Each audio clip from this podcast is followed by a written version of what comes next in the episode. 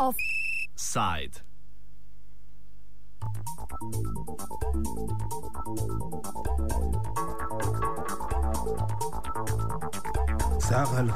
Sto trideset profesorjev univerze v Cambridgeu je na vodstvo vse učilišča naslovilo odprto pismo, v katerem ga je pozvalo naj se izjasni in opraviči glede delovanja policije na njihovi univerzi. Prejšnji teden je namreč v javnost prišel posnetek policista, ki je poskušal mladega aktivista nagovoriti naj prestopi na njihovo stran in postane ovaduh. Študenti v Veliki Britaniji se namreč ob vse pogostejšem višanju šolnin in manjšanju dostopnosti študija vse bolj množično organizirajo in izvajo proteste ter akcije, ki očitno skrbijo policijo in tudi vodstvo univerz. Rekrutacija novega ovaduha torej ni uspela, smo pa zato Majka Šova iz študentske organizacije organizacije v Edinburgu, poprašali, kakšno je stanje na področju študentskega organiziranja v Veliki Britaniji in predvsem, kakšno vlogo pri tem igra policija.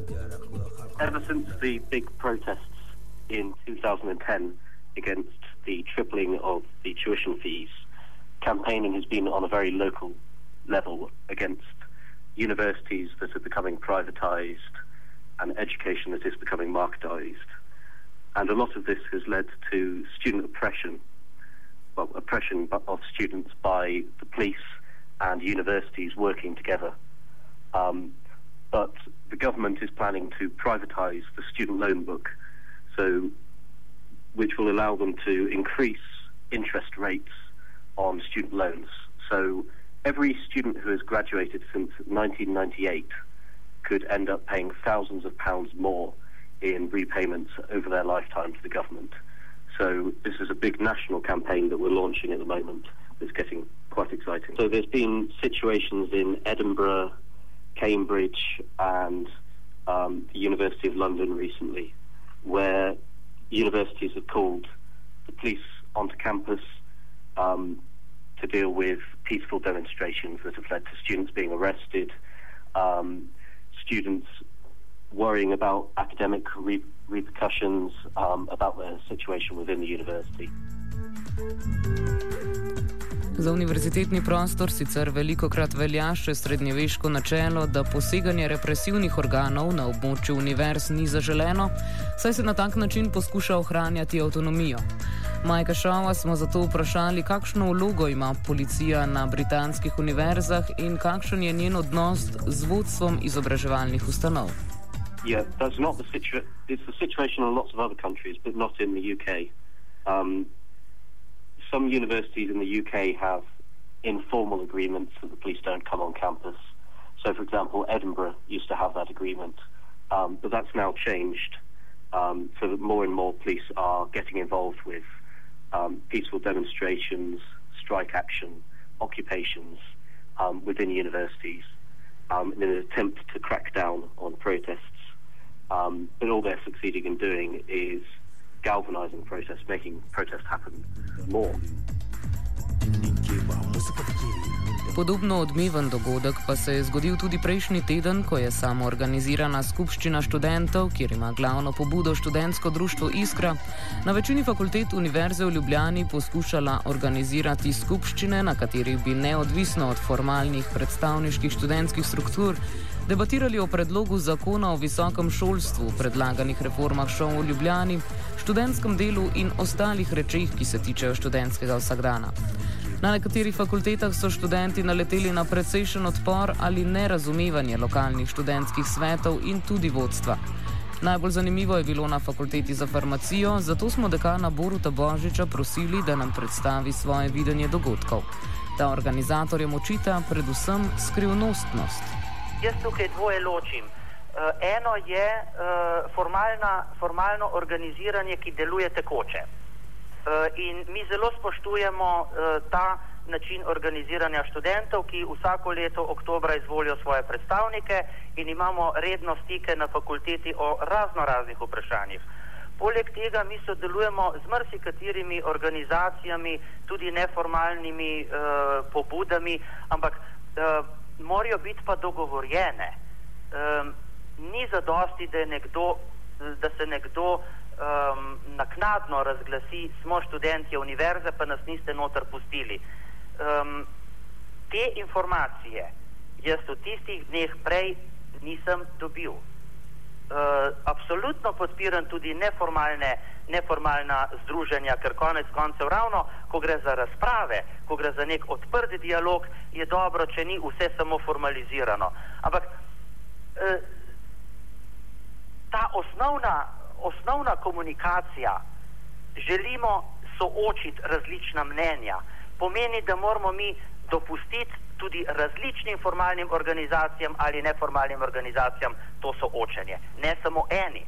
Enako bi morali potem dopustiti tudi drugi, tretji, četrti. To ni edina pobuda bila uh, za, za združevanja v, v, v zadnjih letih uh, ali pa za taka srečanja. In um, samo prid in delati um, ne gre.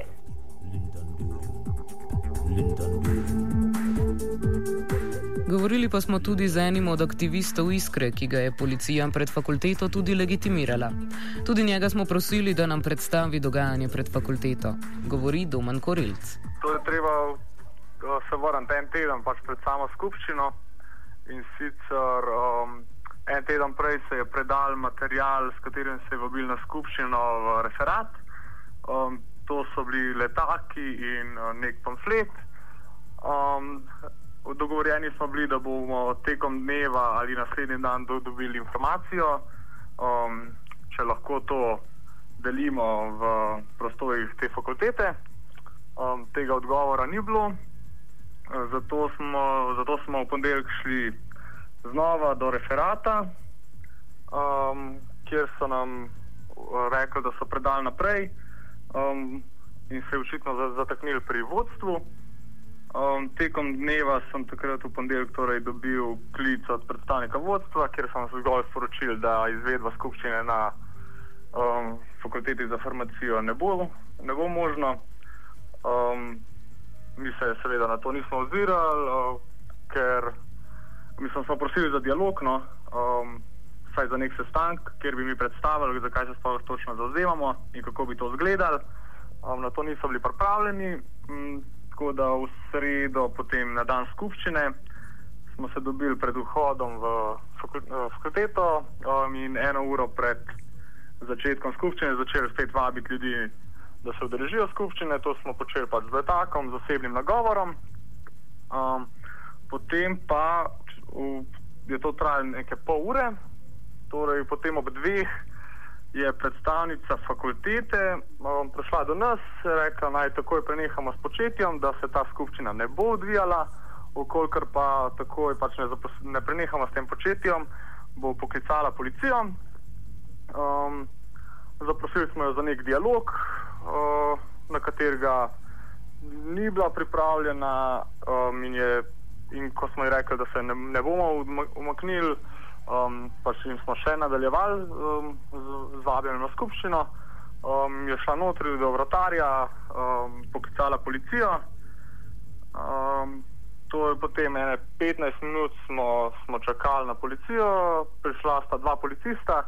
Uh, en, en je šel v notranje fakultete se pogovoriti s, s predstavnico fakultete, uh, drugi je pa od zunaj se z nami um, pregledal naš material s katerim smo vabili na skupščino, se pozanimal, kako naj bi ta skupščina izgledala. To je, to je trajalo nekje 15 minut, torej do, do predvidenega začetka skupščine. Um, torej, ob pol treh je prišel še drug policist iz notranjosti, nam, um, nam povedal, da vodstvo ne dovoli, da se skupščina izvede tam in da, ukolikor bomo nadaljevali, oziroma bi želeli v notranjosti fakultete to izvesti, um, nas čaka pač plačilni nalog v višini 200 evrov. Korilca smo povprašali še, kaj je bila utemeljitev vodstva, da ne dovoli izvedbe skupščine na fakulteti. Vodstvo je um, policistom reklo, da, um, da je problematično to, ker se v njihovi, prek njihove avle se prevaža neke um, nevarne snovi, in če bi se mi tam zadrževali, uh, da bi lahko ogrozili varnost uh, ne vem koga. Um, mogoče, če bi si vzeli čas za dialog, bi izvedeli, da se skupščina ni nameravala izvesti v Avli. Um, tudi zbirno mesto je bilo zgolj za, bi bilo zgolj za kakšno minuto v Avli, potem bi se prestavili v drug prostor, um, kjer ne bi uvirali nikakršnih nevarnih snovi ali česar koli že oni tam prenašajo. Tako da, če bi se vzeli par minut, bi vedeli, da um, zadeva ni sporna na tak način, kot so uh, to pač predstavili. V medijih so se pojavile tudi navedbe študentskega društva Iskra, da je tudi pri organizaciji skupščine na ekonomski fakulteti prišlo do nekaj zapletov, ki pa jih dekanja fakultete Metka Tekavčič pojasnjuje predvsem kot nesporazum in neupoštevanje običajnih poti organiziranja takih in podobnih dogodkov v prostorih fakultete. Govori Metka Tekavčič se upravičujem, še, še danes ne vem komu, mi nismo uradno nikomu ničesar prepovedali, niti ne vemo, kdo so bili ljudje, ki so želeli imeti eh, dogodek v avli ekonomske fakultete. In sem videla, sem letak. In sem vprašala, kdo pa so to, so to naša študentska organizacija, ali je to študentska organizacija univerze. In sem prosila, da se malo pozanimajo, ker sem rekla, da vendarle imamo mi tam v tem času predavanje, to je javn prostor in uh, bi rada saj vedela, kdo to organizira, uh, ker če gre za organizirano obliko dela, ki jo imajo naši študentje ali pa študenti univerze v Ljubljani, ni problem, če gre pa za provokacijo, bi pa rada vedela, kdo so provokatori. Sam to je bilo vprašanje, tako čez delovno sem rekla. Zdaj, lahko da nas kdo provocira, vse ne vemo. In potem sem prosila, da naj na univerzo v Ljubljani vprašajo, če imajo oni informacije o tem, da se študentje po članicah univerze kakorkoli uni organizirajo. In sem prosila, da povprašamo, pa ne vem, kaj se je pa s tem zgodilo, ker nismo nobene vloge dobili za to, da bi kakršno koli srečanje bilo. Za konec smo za mnenje o skupščinah in organiziranju mimo formalnih struktur, ki predstavljajo študente, povprašali še dekana Akademije za gledališče, radio, film in televizijo Mirana Zupaniča. Zdaj, jaz moram reči, da pravzaprav tega, česa se vodstva uh, fakultet bojijo, ne vem, zato ker nisem na ta način s kolegi nič uh, posebej debatiral. Mislim, da ta uh, strah, če obstaja, sploh ni nepotreben. Ne uh, niti ni utemeljen, uh, mislim, da tudi ni tako splošno razširjen. Uh, ta skupščina, ki je bila pri nas na akademiji, je bila pravzaprav dost miniaturna, mislim, da ni bilo več kot kakšnih uh, 20 ljudi, bili so pa tisti, ki so angažirani, ki jim ni vseeno, ki razmišljajo, so aktivni državljani.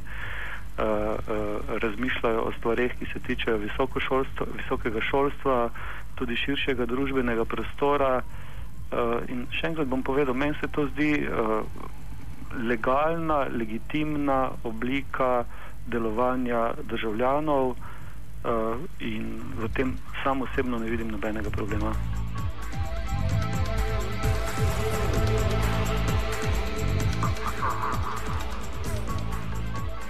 Offside je pripravil Jaša.